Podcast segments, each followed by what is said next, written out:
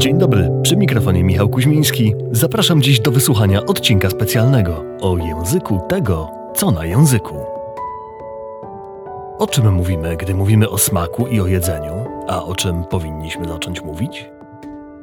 Zapytałem o to Grzegorza Łapanowskiego, kucharza i autora książek kulinarnych, założyciela Fundacji Szkoła na Widelcu i jurora polskiej edycji Top Chef. My cały czas o jedzeniu głównie myślimy przez pryzmat smaku, a niekoniecznie myślimy przez pryzmat tego, że jedzenie jest formą naszej relacji ze światem. Oraz Pawła Brawo, felietonistę kulinarnego Tygodnika Powszechnego, współautora książki Kuchnia Dantego. Próbowałem wymyślić słowo, no właśnie, jak mówimy o języku, yy, mianowicie słowo niedzielizm, czyli, czyli to, że się je mięso przy niedzieli. Nie, nie pozbywasz się mięsa, ale jesz tak jak kiedyś, czyli rzadko. Spotkanie odbyło się w ramach tegorocznej edycji krakowskiego Festiwalu Nauki Kopernikus Festival, którego hasłem przewodnim był język. A zatem, jak język może nam pomagać w zmaganiach z ekologicznymi, zdrowotnymi i gospodarczymi problemami, które wiążą się z naszym jedzeniem? Podcast powszechny. Weź, słuchaj. Pomyślałem, panowie, na początek, że zapytam was, co to jest smak. Smak to jest najprościej to wszystko, co jakby człowiek nabudowuje jakby ze swoich jakby doświadczeń osobistych i z tego jakby całego kontekstu kulturowego, w którym, w którym, w którym dorasta i wszystkich aspiracji, wszystkich jakby takich, tego, jak- tego jak się mości w świecie, to co nadbudowuje na takie zupełnie podstawowe, podstawowe doznania, doznania zmysłowe, które płyną z języka, z podniebienia, z y, tego wszystkiego, co, co w jego ciele jakby się dzieje w momencie, kiedy przyjmuje, przyjmuje jakiś pokarm lub, lub, lub napój. Przy czym jakby ja jestem oczywiście też myślę, na antypodach jakby pewnie podejścia Michała, znaczy bo twierdzę, że to, to wszystko, znaczy te wszystkie pierwsze bodźce i wszystkie poruszenia, poruszenia cielesne są w tym wszystkim jakby najbardziej w tle i najbardziej schowane i że tak naprawdę znaczy smak jest, jest czymś, co, co się rozgrywa trochę między, między naszą psychę, a naszą jakby istotą taką kulturową i społeczną. Grzegorzu, Tych szefów kuchni i naukowców, którzy ja zna, których znam, to oni mówią, że smaków jest pięć. Słodki, słony, kwaśny, gorzki i umami. Właśnie. Niektórzy mówią, że jeszcze jest metaliczny i tłusty jako rodzaj smaków, więc mówią czasami, że mówi się czasami, że jest siedem. Y, No i potem się zaczyna zabawa z kolorem, konsystencją, y, z wspomnieniami na pewno też, z całym kontekstem mm, kulturowym. I wydaje mi się, że tu jest ta cienka granica już, gdzie, że smak to już nie są tylko właśnie te wrażenia sensoryczne, tylko to jest gust. E, Ale moim zdaniem ciekawym wątkiem jest jeszcze y, to, że mówimy z jednej strony o pięciu albo o siedmiu smakach, no i potem o kilku tysiącach aromatów, więc y, zapach, konsystencja, faktura, cały taki kontekst y, kulturowy, to się wszystko składa na to, że o smaku bardzo często trudno jest rozmawiać, bo pani mama gotuje inne pierogi niż gotuje moja mama, więc każdy będzie miał trochę inny stosunek do tego, jaki ten smak powinien być właściwy. I, I mi się wydaje, że to jest też taki trudny wątek, bo mm, w przypadku smaku też istotnym takim aspektem jest wzór, jakiś taki wzorzec. Y, trochę tak jak w Sewr y, jest wzorzec metra czy centymetra, to teraz pytanie, czy istnieje taki wzorzec schabowego, wzorzec pieroga, wzorzec rosołu, i moglibyśmy negocjować, myślę, ale patrząc na przykład na Francuzów albo na Japończyków, moim zdaniem w pewnej mierze my jesteśmy w stanie się umówić, że coś takiego jak wzór na dobry smak istnieje.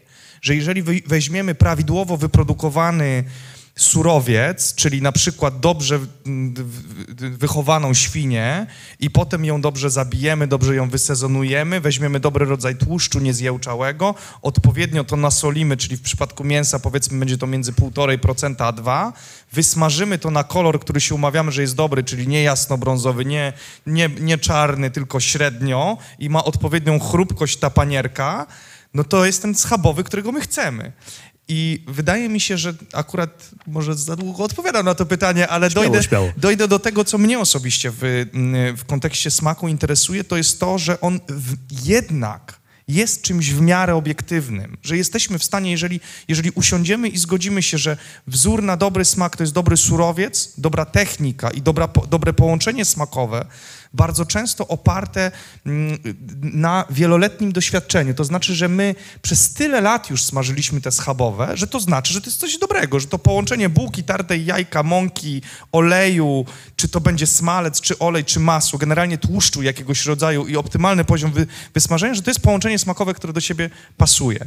I mówię o tym dlatego wszystkim, że wydaje mi się, ja bym, mam takie wielkie marzenie, że my w Polsce zaczniemy traktować w pewnej mierze smak i też kulinaria jako taką bardzo poważną dziedzinę, która jest warta tego, żeby ją traktować w sposób naukowy i poważny, tak jak traktują to Francuzi, gdzie u nich y, można powiedzieć, że taki wzorzec smaku i wzorzec dobrej kuchni w tych wszystkich wielkich szkołach kulinarnych i gastronomicznych istnieje. Dlaczego nie mamy Uniwersytetu Pieroga Ruskiego? A nie, to ja powiem tak, znaczy, bo moje doświadczenia są znacznie bliższe Włochom z, sposób, z powodów rodzinnych i jest coś takiego jak Akademia della Cucina Italiana, taka kiedyś powołana, zresztą w, w czas, latach 30., w czasach, kiedy, kiedy ówczesny reżim faszystowski próbował wszystko jakby centralizować i tworzyć i zresztą, znaczy między innymi próbował poprzez kuchnię i poprzez gotowanie, poprzez tworzenie pewnych wzorców właśnie wspólnych jakby zbudować, skleić ten naród, który tak naprawdę przecież jeszcze wtedy nie istniał. Mm, powołał coś takiego jak Akademię, Akademię, Akademię Kuchni, która jest depozytariuszem właśnie takich standardowych na przykład przepisów na sos boloński. I one są, i mam, I mam wrażenie, ale być może to dlatego, że, że mam, mamy do czynienia z kulturą, która z jedzenie stawia znacznie wyżej, znaczy jako właśnie przedmiot szalenie, szalenie, szalenie poważny i taki, który wymaga właśnie starań jakby i szeregu różnego rodzaju jakby takiego skupienia się na, na składnikach i na, na, tym, że to wszystko, wszystko ma znaczenie, ale w każdym razie może, może przez to ta kultura właśnie wręcz bawi się i uwielbia, że tak powiem, brykać i, i, buntować się. Inaczej to jest trochę tak, że jak się rozmawia o sosie bolońskim, no czy to wszyscy mówią, dobra, no, że tam Akademia della Italiana ma, przechowuje jakby taki wzorzec, który jest właśnie taką średnią uzyskaną z jakby takich podpatrywania i doświadczeń ludzi mających wszelki tytuł do tego, że się znają na rzeczy, bo są bądź szefami, bądź po prostu wybitnymi, wybitnymi kucharzami jakby, albo też badaczami, y, ale że dobra, dobra, ale ten sos tak naprawdę to, to, to właściwie, żeby wyszedł dobrze, to trzeba go zrobić tak lub inaczej, inaczej, że tak naprawdę najważniejsze to i, i, i cała tajemnica tkwi, tkwi w wariantach. Znaczy i, ale, ale zgadzam się, z, znaczy jakby to, to, to, podejście jest mi, jest, mi, jest mi dość bliskie, ale zgadzam się, że być może to jest podejście, na które mogą sobie pozwolić, pozwolić takie kultury, w których jakby wcześniej jakby dokonała się taka praca w postaci znaczy takiego bardzo głębokiego wpuszczenia, zakorzenienia, no właśnie pewnych wzorców, pewnych obyczajów, y, które są związane też na przykład to, to, co jest bardzo ważne, znaczy z ogromną uwagą poświęconą, poświęconą składnikom, składni, tym wszystkim jakby elementom tego, elementom tego procesu. Ja myślę, że to wyzwanie y, podniesienia y, zagadnienia kulinariów do rangi akademickiej powinniśmy położyć na sercu organizatorom Festiwalu Kopernika. Mhm. Nie wiem, czy edycja 2020 będzie nosiła hasło pierogi, ale wszystko jeszcze przed nami. Spróbuję trochę uprościć, bo poszliśmy od razu bardzo, bardzo w y, kulturę. Paweł tutaj puszczał do mnie oko, że ja to bym tylko o sygnałach do mózgu wywoływanych przez receptory oddziałujące z, nie, z nierotnymi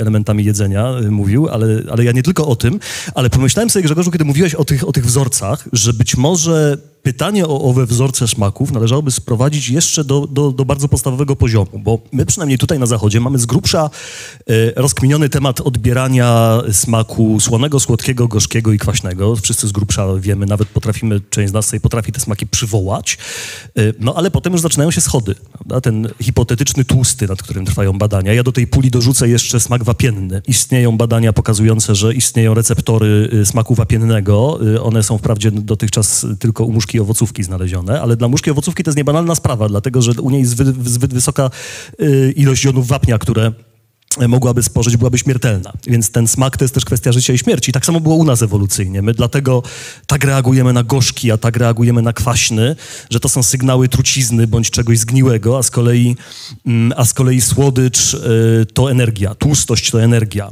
No a umami a umami to przyjemność. Przynajmniej jak dla mnie.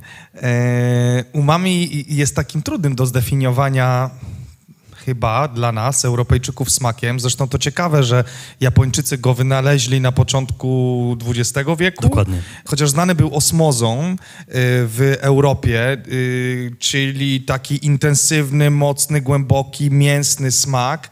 Y, My go możemy znać trochę z rosołu. W dobrych restauracjach znacie go Państwo z tak zwanego sosu demi-glace, sosu matki, sosu pieczeniowego. E, Kości cielęce, pieczone, potem długo gotowane, najchętniej trzy dni, wino i taki rosół na bazie tego, potem skoncentrowany, skondensowany, tak, że to jest po prostu esencja smaku. Y, Ale ten smak też y, bardzo y, taki inny sposób może produkują Azjaci z fermentowanych sosów, takich jak sos sojowy, e, sos ostrygowy, pasta miso, sos rybny, więc fermentacja, też dojrzewanie, tak jak ser pleśniowy czy ser dojrzewający typu parmezan, dojrzewające wędliny, ale pomidory, też pomidory i grzyby. Moim zdaniem jeden z najpiękniejszych smaków, ja go nazywam popychaczem. Taki, jak dodamy trochę sosu sojowego, to wszystko. To, tak- to tak jak wegetę dodamy, czy, czy magii. To jesteśmy w stanie tekturę zjeść i będzie jeszcze trochę tłuszczu i cukru. Wiele i restauracji to robi zresztą. Szaleństwo. Tak, tak, ale to ja też, też myślę, znaczy, że tak jak właśnie takie reduktywne, bardzo takie neopozytywistyczne myślenie o tym, że, że każdy smak i wszystko to, co czujemy i myślimy o tym, ma bardzo ściśle, łatwo, łatwo definiowalne funkcje, bądź biologiczne, ewolucyjne, takie na przykład dotyczące właśnie przystosowania do otoczenia, przetrwania, poszukiwania pożywienia, zapewniania naszemu, że tak powiem, tej maszynie paliwa, że to jest, y, no, że to jest wszystko troszeczkę zbyt upraszczające i że co prawda na pewno dlatego też nie umiemy się powstrzymać przed słodyczą i dlatego y, nasza cywilizacja ma taki straszny kłopot z, z jedzeniem słodyczy, że, że nasze, nasze mózgi są ciągle jeszcze jakby w tym trybie, jakby, że gromadzenia jak największej ilości energii, bo nigdy nie wiadomo, kiedy się następna trafi, a zaraz, za, zaraz zima,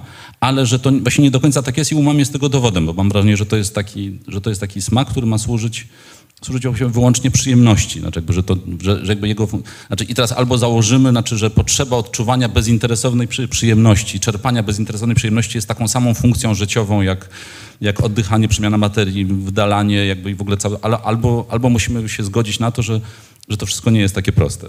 Podcast powszechny. Weź, słuchaj. Znają Państwo pewnie taką globalną fascynację fermentacją, kiszeniem. E, Ostatnimi czasy popularna dosyć w Polsce książka Sandora Katza, Sztuka fermentacji. Wydaje mi się, że miso może być w pewnej mierze symbolem jakby ważności tego tematu, jakim jest fermentacja.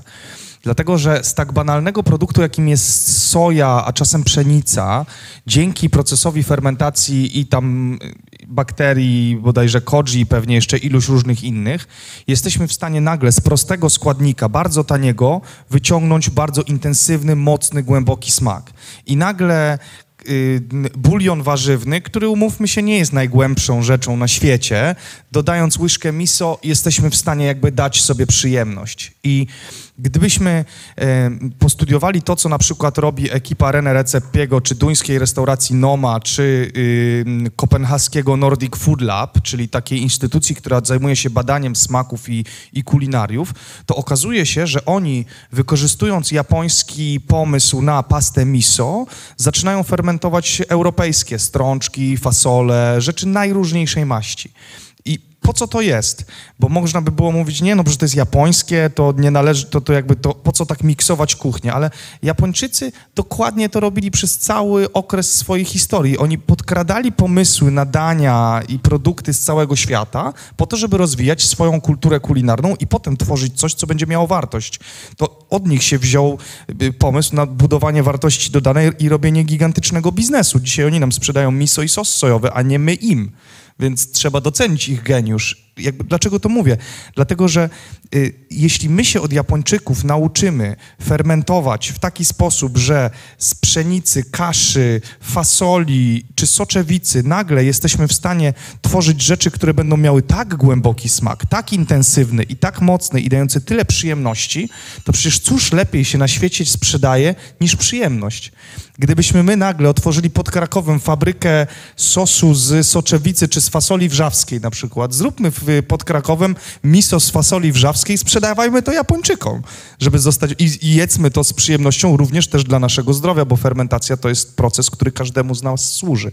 Dlatego trochę zrobię pętlę do tego, od czego zaczęliśmy, że jakby traktowanie jedzenia w sposób poważny i naukowy jest nie tylko y, zabawą sensoryczną dla bandy y, gurmandzistów, którzy będą mieli z tego, będą mieli o czym gadać, ale to też jest jakby esencja tego, żebyśmy biznes w Polsce dobry robili na naszych produktach rolnych. Ja ci powiem od razu, dlaczego tego się, to się nie uda, a, a dlatego, że są pewne smaki i pewne rzeczy, które które właśnie inaczej, które smakują w pewnych okolicznościach, w pewnych nie. Znaczy to jest tak, że w Polsce jesteśmy przyzwyczajeni i kisimy, czyli fermentujemy parę rzeczy, i które są, wydają nam się tak, czymś tak oczywistym, znaczy, że w ogóle bez tego się nie da, nie da wyobrazić sobie polskiego jedzenia. Ale jak po, o, komuś powiesz, że o tutaj właśnie fasola fermentuje, to dla niego będzie to pierwszy odruch, znaczy, że, że, że, się psuje, znaczy, bo fermentacja jest zarazem czymś cudownym, znaczy procesem, który, który w pewnych okolicznościach, w pewnych kontekstach kulturowych jakby i przy pewnych jakby surowcach jest właśnie źródłem potem niesamowitych przemian smaku oraz też sposobem na konserwację różnych rzeczy, a, a, w, a w innych wypadkach jest, jest y, jakby objawem psucia. No to, to, też jest mój zawsze ulubiony przykład, znaczy Włochów, którzy nie są w stanie w ogóle wyobrazić sobie, że cokolwiek można fermentować, znaczy, że smak fermentowany, bo po prostu też dlatego, że żyją w takim klimacie, w którym jest bardzo niska potrzeba y, przechowywania czegokolwiek na zimę. Więc ja myślę, że jak powiesz tutaj, znaczy, że to właśnie proszę zjeść, bo to jest fermentowana fasola, to pierwszy odruch będzie taki, że co ja, psu, zepsutego nie, jeść nie będę. Rozumiem, że cały urok zabawy polega na ty, rozmowy polega na tym, że jedna osoba z drugą się nie zgadza, więc ja się absolutnie z tobą nie zgodzę, ponieważ y, jak wiemy, y, kotlet schabowy nie jest do końca polskim daniem, tylko jest daniem austriackim, myśmy się go nauczyli. Pierogi ruskie to prawdopodobnie ukraińskie wereniki i przyszły one z Rosji, a do Rosji też trafiły jeszcze dalej ze wschodu. Włosi dla odmiany nie stosowali powszechnie y, pomidorów, bo te pomidory 500 lat temu dopiero nawet krócej tam dotarły. Mało tego, bardziej popularna była kolendra niż bazylia, a fermentowane produkty używali, bo używali fermento- sosu z fermentowanych ryb. Jakby, a to Rzymianie, garum, tak. No to... Garum, ale dążę do tego, że jakby, że smaki jakby ewoluowały i, postęp, i kultury kulinarne postępowały zawsze. Jakby to, dlaczego podaję ten przykład y, na przykład na, e, fermentowanej fasoli, która mogłaby stanowić potencjał kulinarny dla nas, dla Polaków, to między innymi to, że w tej erze globalizacji, gdzie bardzo dużo żywności importujemy, co generuje koszty środowiskowe, dla przyjemności my moglibyśmy dużo więcej produkować tu w oparciu o fenomenalną wiedzę, że przypnę do tej fasoli. Koreańczycy, którzy tak jak my fermentują kapustę, tyle tylko, że pekińską, która nomen nomen też nie była ich, bo oni dopiero od 200 lat mają kapustę pekińską, w związku z czym nazywają ją kimchi cabbage, a Amerykanie na nią mówią Chinese cabbage, na co y, Koreańczycy się obrażają na Amerykanów, bo to jest koreańska kapusta, nie chińska. No ale y, w, Koreańczycy Chińczycy właśnie fermentują fasolę, dodają do tej pasty ze sfermentowanej fasoli chili i robią pastę gochujang bodajże, która ma absolutnie głęboki, przepiękny, intensywny smak i łączą ją z wieprzowiną, czyli trochę tak jak znowu zobaczcie Państwo, że bardzo podobne smaki do naszych polskich. Mają wieprzowinę, kapustę kiszoną, kimchi i fasolę. To jest polsko-niemiecka paleta smakowa. Mhm. Tylko, że z azjatyckim twistem. Poza tym do tego wszystkiego, na to wszystko nakłada się jeszcze moda. Przecież dzisiaj cała fulisowa Polska, jak długa i szeroka, kisi kimchi, prawda? Tu i teraz nad, nad, nad, nad Wisłą, co nas czeka, z Grzegorzem Łapanowskim włącznie. Natomiast y, chciałem jeszcze podrążyć temat tego, y, tej niedookreśloności, bo to jest ciekawe. Czy to znaczy, że my czy to, jeżeli szukać analogii między smakiem a językiem, to czujemy się bardziej bezpiecznie w swoim języku, czy y, eksplorowaniu tych smaków, które już raz, tych wszystkich piosenek, które już raz słyszeliśmy, tych wszystkich smaków, które już znaliśmy, czy właśnie przeciwnie, czy te, ta dziwność, niedookreśloność tych smaków, w, nim, w niej jest coś pociągającego, czy ta przyjemność wynikająca z eksploracji nieznanego jest czymś, co co nas pociąga. Zależy jak potraktujesz, znaczy jeśli spojrzysz na badania, wiesz, profesora Domańskiego na temat jakby, wiesz, obyczajów masowych, jakby no to bym powiedział tak, znaczy, że, że, że, smakuje nam to, co właśnie potrafimy nazwać, ale to znaczy, że te nazwy same w sobie, w naszym języku, w naszej głowie odwołują się do czegoś, co znamy, co jest bezpieczne, co jest tu i teraz, co jest związane z takim naszym podstawowym zadomowieniem w świecie naszego doświadczenia codziennego. Ja tylko dodam, że o ile sobie przypominam, to na pierwszym miejscu w rankingu najbardziej ulubionych polskich smaków y, w badaniach profesora Domańskiego było z mięsem. Z mięsem, tak. tak, z mięsem. I wobec tego, wiesz, no to jakby, i to są bardzo długie procesy, no bo można powiedzieć, że ziemniaki to też jest coś takiego, co, co, co w Polsce zaistniało dopiero, dopiero na, na skalę taką, którą, którą warto odnotować w XVIII wieku wobec tego, ale jakby no po tych 200 czy 200 parudziesięciu latach już są czymś naprawdę bardzo zadomowionym i dającym zadomowienie. Jeśli pytasz o, o takie jakby, taki świat, który bada profesor Domański czy socjologowie, to, to, to, to myślę, że, że, że, na pewno znacznie bardziej wolimy, jesteśmy bezpieczni i, i znacznie łatwiej jest nam być może wprowadzić coś nowego poprzez analogię i poprzez takie stopniowanie. Natomiast jakby oczywiście to, co jest zawsze ważne i co jest jakby ten taki czubek wzrostu w każdej kulturze, no to to są, to są ludzie i środowiska i jakby grupy, które, które próbują, znaczy które są jakby właśnie znacznie bardziej mobilne i otwarte. I tutaj myślę, że są, że, że, że w Polsce się za, zaczęło dziać od, od parunastu lat. Niesamowicie, znaczy jakby i rzeczywiście to, co Grzegorz mówi, znaczy to, no to, to jest tak, że jest jakby być może szansa, być może najpierw tak jak z fasolą na, na, na mały biznes, ale taki, który który być może po, po jakimś, nie wiem, upływie pół pokolenia za, zacznie być trochę dalej, bo zresztą to ja widzę na przykład, y, dopóki mieszkałem w Warszawie, chodziłem na taki targ, y, który jest takim bardzo poczciwym, zwyczajnym targiem, znaczy nie, nie, nie czymś takim jak Kleparz w Krakowie, tylko targ na wolumenie, gdzie są jeszcze ostatni, normalni podwarszawscy chłopi, ogrodnicy, którzy sprzedają renety, ziemniaki, buraki, marchew tam i tak dalej. Znaczy bardzo, bardzo zwyczajnie taki, gdzie raczej foodisów jest nie, nie, niewielu się spotyka.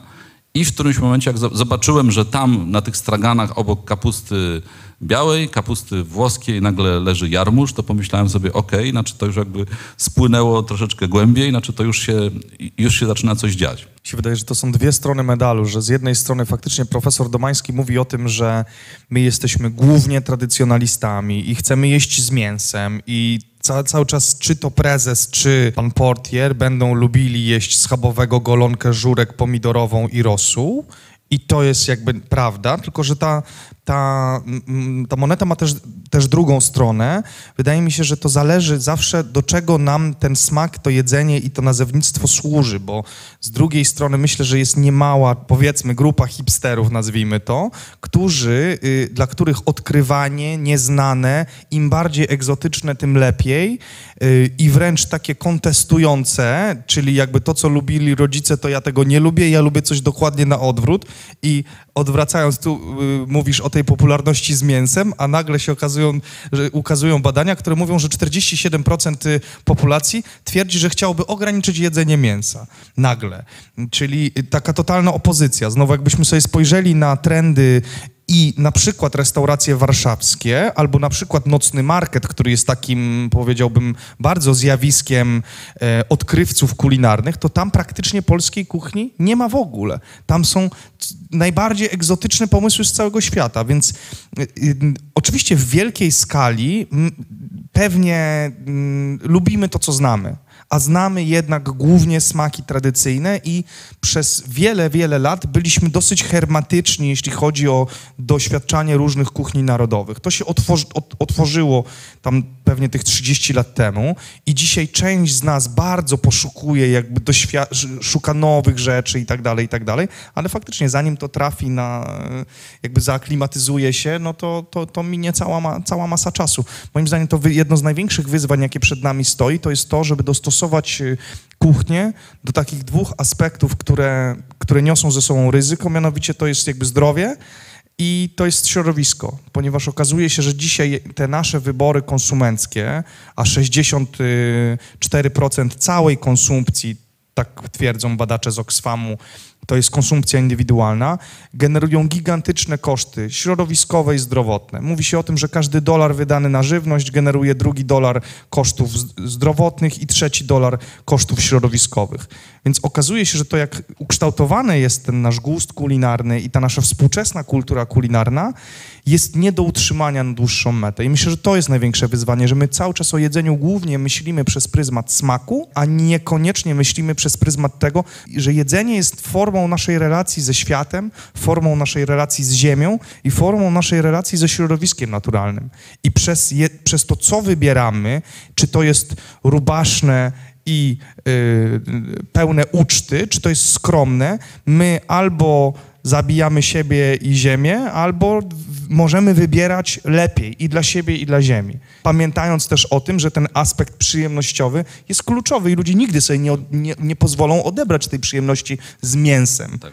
No tutaj bym powiedział, że, że aspekt języka, znaczy to, jak co nazwiemy, jest y, bardzo ważny. Znaczy, bo choćby na przykład, jak mówisz o tym, mówi się często, jeśli chodzi o taki nasz stosunek do świata i do planety i o to, że na przykład jeden z naj, najgorszych kosztów środowiskowych to jest, jest związany z produkcją mięsa, oprócz oczywiście transportu. I wobec tego często się mówi, znaczy, że dieta, znaczy, że jedzenie ograniczanie bądź całkowita eliminacja mięsa jest czymś, co jest jakby jedną z takich najbardziej odpowiedzialnych i sensownych rzeczy, którą człowiek zachodu, który generalnie ma, ma skądinąd jakby źródeł, źródeł białka potąd, znaczy może sobie je zapewnić. Więc, że to jest jeden z najbardziej sensownych wyborów, takich wyborów życiowych, bardzo ważnych jakby. No to tylko po prostu za, za, za, mnie zawsze fascynuje to, znaczy, że, że to się odbywa wtedy, kiedy Właśnie to zyskuje y, dobrą nazwę, znaczy kiedy, kiedy, się mówi, kiedy się nie mówi o tym, że to jest ym, dieta bezmięsna, że to jest jakby coś, co jest mm, pozbawione czegoś, tylko nie, się, w- mówi się, że to jest weganizm, że to jest fleksitarianizm. Powstają różne nazwy, które są bardzo dobrze się nadają do tego, żeby stać się taką emblematem pewnych mód, pewnych obyczajów, które są, ma, mają potem różne bardzo dobre, pozytywne skojarzenia. Albo w drugą stronę, bo na przykład Marta Dymek, żeby nie mówić wega, nie straszyć słowem weganizm i wegetarianizm, na swojej y, misyjnej ścieżce używa słowa, y, sformułowania kuchnia roślinna, prawda, no, które brzmi już całkiem nieźle i swojsko. Tak, tak, tylko mi chodzi o to, żeby zdjąć ten aspekt właśnie taki, taki że, że czego braku, prawda, poświęc- bo, bo czło- człowiek generalnie nie lubi się poświęcać albo tracić czegoś, więc jakby jeśli po- powiemy komuś, ty ni- niczego nie tracisz, tylko wchodzisz na nową ścieżkę roślinną, wegańską czy jakąś, znaczy to, to się rozgrywa bardziej na poziomie języka, ale oczywiście ma no, no, kapitalne skutki dla, dla przyrody i dla, dla, dla życia społecznego. Bawi mnie y, ten taki marketingowy sznyt, który musimy mieć z tyłu głowy, rozmawiając o odpowiedzialności w kontekście jedzenia, bo mówiąc znowu o edukacji kulinarnej, czy właśnie o kwestiach środowiskowych, kiedy rozmawiamy w środowisku ludzi, którzy, którym, którzy życiowo zajmują się promocją prawdziwego jedzenia, to my non-stop mamy właśnie ten dylemat, czy wykorzystywać te argumenty negatywne, czyli to, że mamy epidemię otyłości i nadwagi, 200 chorób żywieniowo-zależnych, które generują gigantyczne koszty mm, dla budżetu państwa na przykład i opieki zdrowotnej, czy raczej mówić o tym, że jak będziemy jedli rośliny, to ta dieta jest piękna, przyjemna, wspaniała i tak dalej. No, wydaje mi się, że jakby mm, problem polega na tym, że y, ja mam takie wrażenie, że my generalnie cierpimy na, w tym świecie owładniętym przez reklamę, y, cierpimy na deficyt prawdy. I już i, i po prostu nie chcemy też słuchać pewnych takich rzeczy, które wydawać by się mogły oczywiste, bo ja mm, czytałem twój, twój, twój tekst ostatnio właśnie, który tak trochę nawiązywał do mięsa, a potem finalnie był ten przepis na, na, na białą kiełbasę z radicchio i tak trochę z przymrużeniem oka miałem wrażenie, że mówisz o wegetarianizmie i weganizmie, sprostuj mnie, jeżeli źle myślę, ale ja nie mam, y, ja nie mam nic przeciwko jedzeniu mięsa do momentu, do którego on pochodzi z prawdziwych zwierzaków, do których te zwierzaki żyły w jakimś dobrostanie i i, i, I było to wszystko zachowane w jakiejś proporcji. Analogicznie kur i krów. Natomiast dzisiaj żyjemy w rzeczywistości, z której każdy z nas chce jeść schabowego, yy, kabanoska i szynkę, które są, mają przepiękny smak, tego to jest niepodważalne. Tylko niestety nie chcemy mm, stanąć przed lustrem i odpowiedzieć sobie, no tak, no żeby y, ta świnia była tania, żeby ten kabanos był tani, żeby ta szynka była tania, to musieliśmy zbudować fabryki zwierząt. I te fabryki zwierząt nie są karmione paszą, którą my uprawiamy tu pod Krakowem, tylko żeby wyprodukować tą, tą, tą, tą paszę, tą soję, to ktoś musiał wyciąć las po drugim końcu świata, żeby wyprodukować genetycznie modyfikowaną soję, gdzie potem była masa chemii jeszcze pewnie zastosowana w międzyczasie. Ta pasza musiała przejechać przez pół świata i dopiero tu w, ta, w fabrykach tanich kurczaków w Polsce, bo my jesteśmy świetnym zapleczem dla połowy świata, żeby produkować tanie mięso, bo na to postawiliśmy w naszym rolnictwie i dzisiaj dostarczamy tego rodzaju żywność na polskie półki sklepowe i z zamkniętymi yy, oczami i z zamkniętymi ustami zajadamy się tym, tym, tą tanią żywnością, udając, że wszystko jest ok. Powiem wam, że jakby dla mnie uczestniczenie w tym rynku od kilkunastu lat jest po prostu przerażające, jak sobie w pewnym momencie człowiek zdaje sprawę z tego, że, że my zbiorowo milczymy na temat tego, w czym bierzemy udział. No, Ja też próbuję się z niego wypisać, a właściwie się wypisałem. I kiedyś, znaczy so, kiedyś swego próbowałem wymyślić słowo, no właśnie, jak mówimy o języku, mianowicie słowo niedzielizm, czyli rodzaj fleksitarianizmu, czyli, czyli to, że się je mięso przy niedzieli, znaczy, że nie wycofujesz, nie, nie pozbywasz się mięsa, ale jesz tak jak kiedyś, czyli rzadko, to oznacza, że możesz sobie pozwolić na to, żeby to było mięso prawdziwe, znaczy od, od zwierząt hodowanych yy, w dobry, tradycyjny sposób, na miejscu, w godziwych warunkach, ale to, bo to, to de facto oznacza, że, że, że jesz tego znacznie mniej. No właśnie, że jesz, że jesz, przy, że jesz przy niedzieli, ale jakoś jakby naród nie podjął mojej, mojego postulatu językowego, więc na razie nie słyszałem, żeby ktoś poza mną używał słowa niedzielizmu. Podcast powszechny. Weź, słuchaj. Niedzielizm, proszę Państwa, zapamiętujemy. Tak się zastanawiam, co z tym robić. Czy które z tych podejść, czy to, czy to około marketingowe, bo cały czas kręcimy się, staram się cały czas y, pamiętać o tym, że tak naprawdę mieliśmy o języku rozmawiać.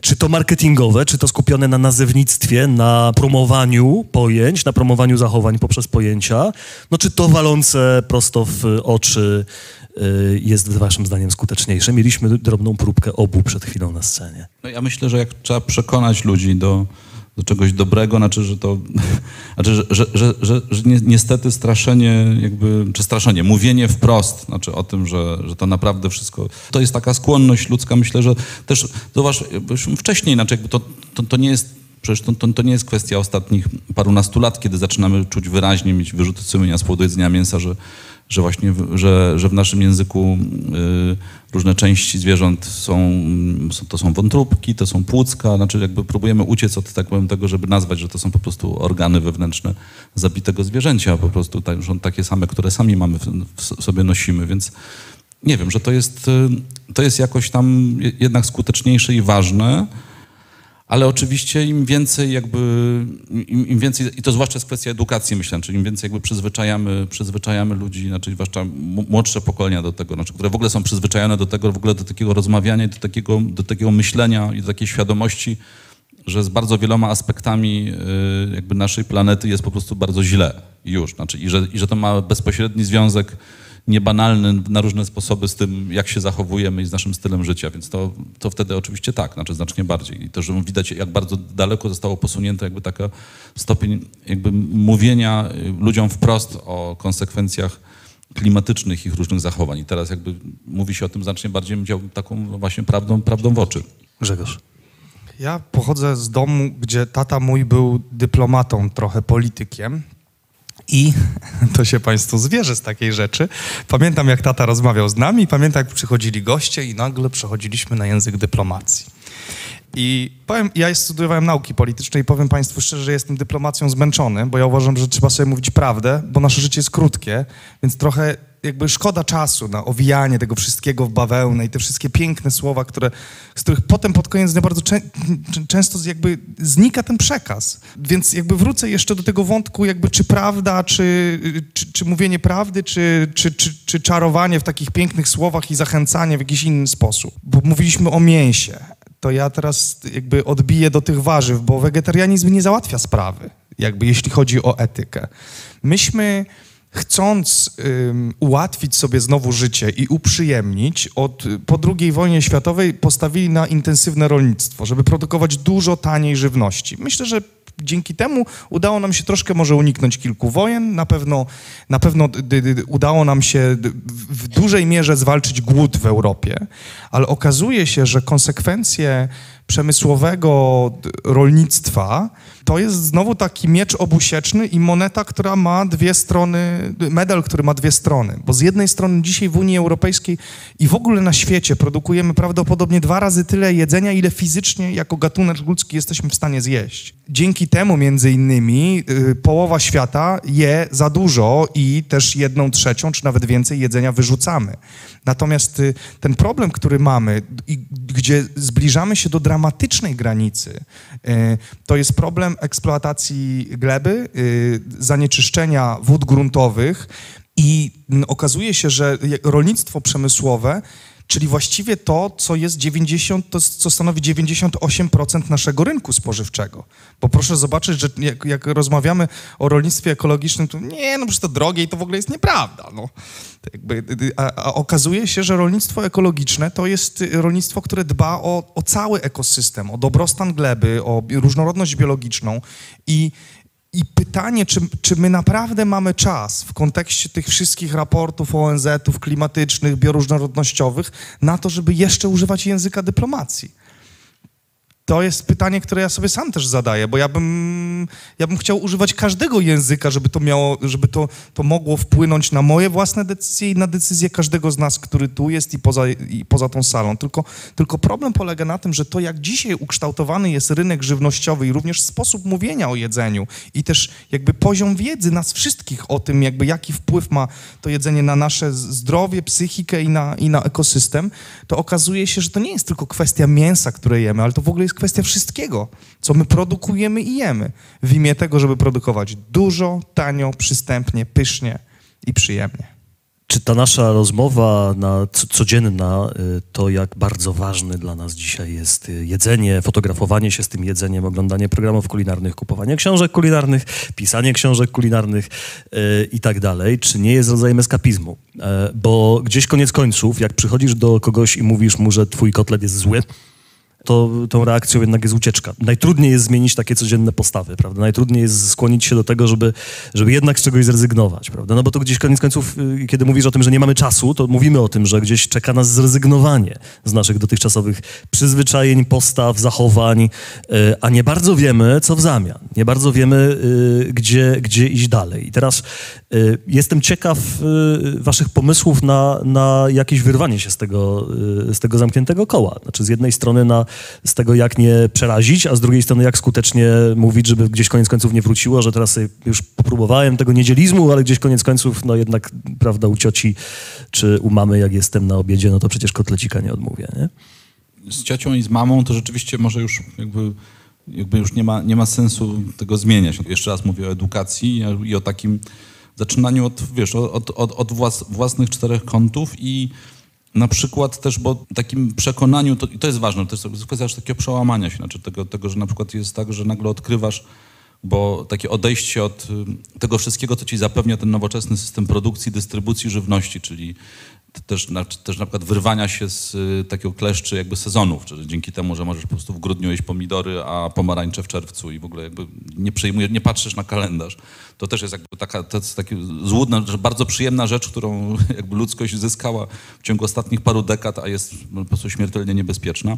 Otóż że taka obawa, że na przykład takie jedzenie y, odpowiedzialne y, oznacza na przykład powrót do jakiejś strasznej monotonii, znaczy bo no, monotonii, która po pierwsze oznacza też konieczność czekania, znaczy właśnie tego, że jak jest grudzień, to znaczy, że nie będę jadł pomidorów, tylko muszę poczekać do co najmniej, nie wiem, czerwca i truskawki też, jakby no niekoniecznie w lutym. Tak naprawdę y, jest tak, że nie wiem jak, jak to zrobić, znaczy, ale że zwykle jest tak, że trzeba namawiać ludzi, żeby próbowali, dlatego że z drugiej strony jedzenie, które jest nie jakby tak bardzo przemysłowe, ma znacznie więcej niuansów smakowych, znaczy bo to między innymi też jakby jedną z ofiar takiego przemys przemysłowej też uprawy roli, przemysłowej produkcji, produkcji żywności jest to, że jest niesamowita standaryzacja i homogenizacja smaków. Znaczy jak mówimy o smakach, znaczy to, to jest tak, że, że w którymś momencie wszystkie jabłka smakują tak samo, prawda? Znaczy jakby i e, ich jest więcej, ich jest brud, ich, one, one wytrzymują poza lodówką i w ogóle patrzysz na nie, kupisz i po prostu leżą ci na, na stole trzy tygodnie, nic się z nimi nie dzieje,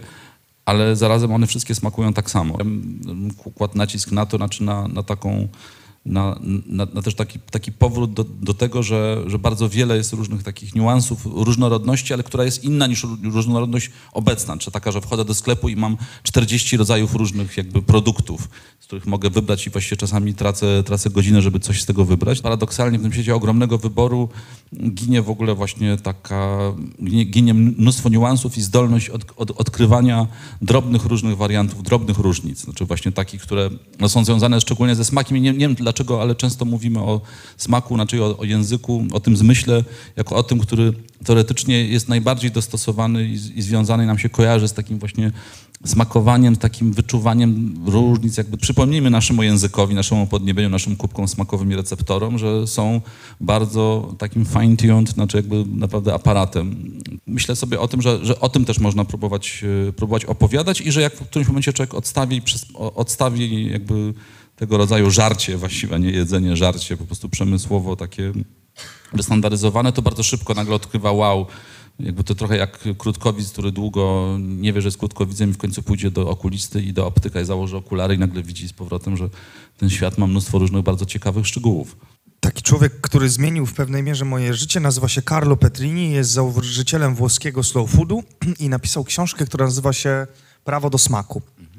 I Carlo Petrini mówi dokładnie o tym, co ty mówisz, czyli że kiedy y, jest, y, każdy z Państwa ma takie wspomnienie, jak się zerwało jabłko u babci w sadzie i wgryzało się w to jabłko i nagle to była jakaś podróż w czasie, w przestrzeni, gdzieś jakaś po prostu inna galaktyka. Albo kupowało się na kleparzu malinę czy truskawkę, która nagle okazywała się ciężka. Mała, ale ciężka i eksplodowała w smaku. Że dokładnie to, co powiedziałeś. Czy, czy, pytanie, czy ta różnorodność i ten, ten róg obfitości, który właściwie tryska, w każda, każda, którym tryska każda sklepowa półka, czy tam naprawdę jest smak? Jak Carlo Petrini pisze właśnie o, o, o tym, jak na jego oczach zmienia się włoski rynek spożywczy, to ja myślę, że tak jak Państwo tutaj siedzą, jak siedzimy sobie tutaj, to my też każdy z nas ma to wspomnienie tej prawdziwej kiełbasy lisieckiej od Staszka Mądrego z świętej pamięci. Nowej Wsi Szlacheckiej. On na nas patrzy tutaj i, i nas słucha. I, i, I, dla Staszka Mądrego ta, prawdziwa wędlina była, była świętością. I myślę, że to jest też taki ciekawy, jakby może sposób patrzenia na jedzenie, że ono naprawdę może być pewnego rodzaju świętością, że może być go mało, możemy je bardzo cenić. Proszę zobaczyć, że w kontekście narracji jedną z głównych takich kwestii poruszanych w kontekście jedzenia jest jego taniość. Jedzenie ma być tanie, w promocji. E, Im tańsze, tym lepsze. I teraz pomyślcie sobie Państwo, jakbyśmy mówili do swojej ukochanej, ważnej dla nas osoby, że ty jesteś tani. Nie? Nie mówimy tak. My mówimy do kogoś, kogo kochamy, mówimy, że mój drogi. Nie? Jeśli ja ciebie lubię, to ty jesteś dla mnie ważny, ty jesteś cenny dla mnie. Więc pytanie, jaki jest nasz stosunek do jedzenia? Ja myślę, że, że, to, że, że to, ta perspektywa jakby powszechnej taniości, to ona zabija jedzenie. Bo jakbyśmy porozmawiali z rolnikiem, z sadownikiem, z, z, z masażem, z każdym, kto produkuje prawdziwe jedzenie, nawet sos sojowy, Chińczycy go robią w trzy tygodnie, Japończycy przemysłowo robią go w pół roku, a rzemieślnik będzie robił półtorej roku sos sojowy. I każdy z tych sosów będzie miał zasadniczo inną cenę. Analogicznie świnię y, porządną będzie trzeba ją hodować no tak z 9 miesięcy albo i rok. Ale w fabryce można ją mieć w 3,5, może w 4 miesiące. Więc jakby to pokazuje, że, że jakby mm, jeśli mamy mówić językiem korzyści, to tak, ten świat prawdziwego jedzenia jest najpiękniejszym, jest rajem na ziemi tak naprawdę. On oczywiście wymaga od nas dużo pracy, zaangażowania, wysiłku, ale y, przykładem tego może być praca na roli, ale ja nie myślę, żeby ludzie, którzy pracowali na roli, mieli jakąś specjalną depresję. W przeciwieństwie do nas, ludzi żyjących w tym świecie totalnej obfitości. Więc, y, a z drugiej strony, jeśli ta żywność byłaby droższa, jakby wymagałaby więcej czasu i zaangażowania, to proszę sobie wyobrazić, że jemy to mięso tylko raz w tygodniu, no to ten smak wtedy, tego schabowego, to, to jest doznanie prawdziwe. Więc wydaje mi się, że to w pewnej mierze jakby my możemy mówić o tym, że jakby, że jedzenie może być absolutnie jedną z najpiękniejszych i najwybitniejszych jakby w ogóle doznań życiowych, coś na miarę właściwie nie bójmy się tego słowa seksu, miłości, prawda? Jedzenie jest przepięknym doznaniem, no, które możemy właściwie pieścić się w nim nieskończoność, tylko cała zabawa z tym seksem również polega na tym, że on jest fajny, jak jest od czasu do czasu, jak jest zwieńczeniem właściwie te, te, te, tego pogoni, tej, tej pogoni i tego dążenia. Bo gdyby był faktycznie czymś po, powszechnym i codziennym i takim to taka to była, była przyjemność. Więc mi się wydaje, że, że to chyba i, i tu ten wątek religijny, on może nie wybrzmiewał dzisiaj za dużo, ale mi się wydaje, że jakby w religii dużo jest jakby na ten temat. Było dużo postu, zobaczcie państwo. I było, i było przede wszystkim nie zabijaj no? i było nieumiarkowanie w jedzeniu i piciu. Myśmy o tych wszystkich rzeczach, można powiedzieć, we współczesnej rzeczywistości zapomnieli. Jest totalny dobrobyt, nie ma postu, nie ma umiarkowania w jedzeniu, są tylko diety. są diety, Teraz tak. są czymś zupełnie innym, ponieważ diety mają teoretycznie nam... pom- Post jest w imię czegoś, co jest ponad nami, dieta jest, służy tylko jakby naszemu dobru.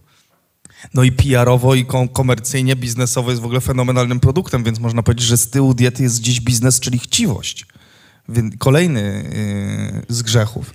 Więc wydaje mi się, że jak mów, mówisz o, y, powiedziałeś o jedzeniu i o języku, to ja sobie tutaj zapisałem słowo tabu.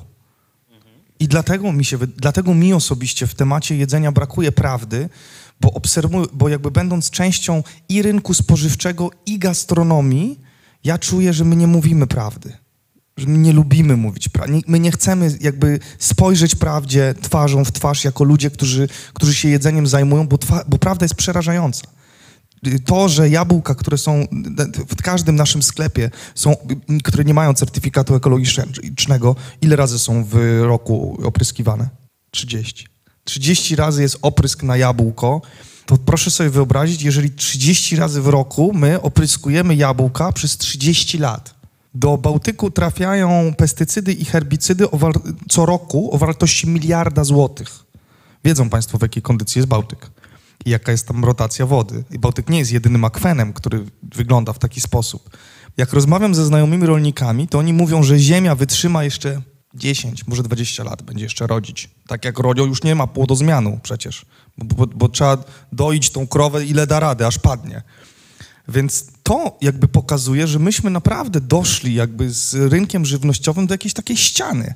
I jakby tak długo, jak będziemy nie mówili o tym prawdy, tylko będziemy dalej brnęli w to uprawianie, można powiedzieć, kulinarnej orgii i robienia z tego kulinarnego show, to, to jakby to jest, to, to jest rodzaj Titanika, w którym pole, polewamy się szampanem i jedziemy dalej. I, jakby, I to już nieważne, i tak, że jakby zginie cały statek. To, że statek zatonie, to nie ma żadnej wątpliwości. Teraz tylko pytanie, czy z tych dwóch tysięcy ludzi, które jest na tym statku, ocaleje dwa, dwadzieścia, czy może dwieście, bo, bo te dwa tysiące na pewno nie ocaleją. Więc jakby to, to w pewnej mierze jest jakby, mi się wydaje, takie hmm, zadanie kreatywne dla nas dzisiaj, wiedząc to, a my jakby nie da się uciec od tego, bo przecież wszyscy czytamy te same raporty. To jest próba zastanowienia się nad tym, no dobra, to jak już to wiemy, to co my możemy zrobić, żeby się może, dostos- może trochę zwolnić to i, i, i może dostosować do tego, co będzie. Ja mam córkę, co ma miesiąc, miesiąc i dwa tygodnie, więc dla mnie to jest naprawdę takie zadanie kreatywne, które ja muszę rozwiązać. Weź, słuchaj, czyli podcast powszechny. Organizatorami festiwalu Kopernika są Fundacja Centrum Kopernika, Fundacja Tygodnika Powszechnego, Tygodnik Powszechny i Uniwersytet Jagielloński. Projekt współfinansowany jest ze środków miasta Krakowa. Wsparcia udzieliły też Ministerstwo Kultury i Dziedzictwa Narodowego oraz Templeton Religion Trust. Więcej na kopernikusfestival.com i tygodnikpowszechny.pl. Rejestracja dźwięku Przemysław Kopeć. Montaż Michał Kuźmiński. Muzyka Incompetech.com.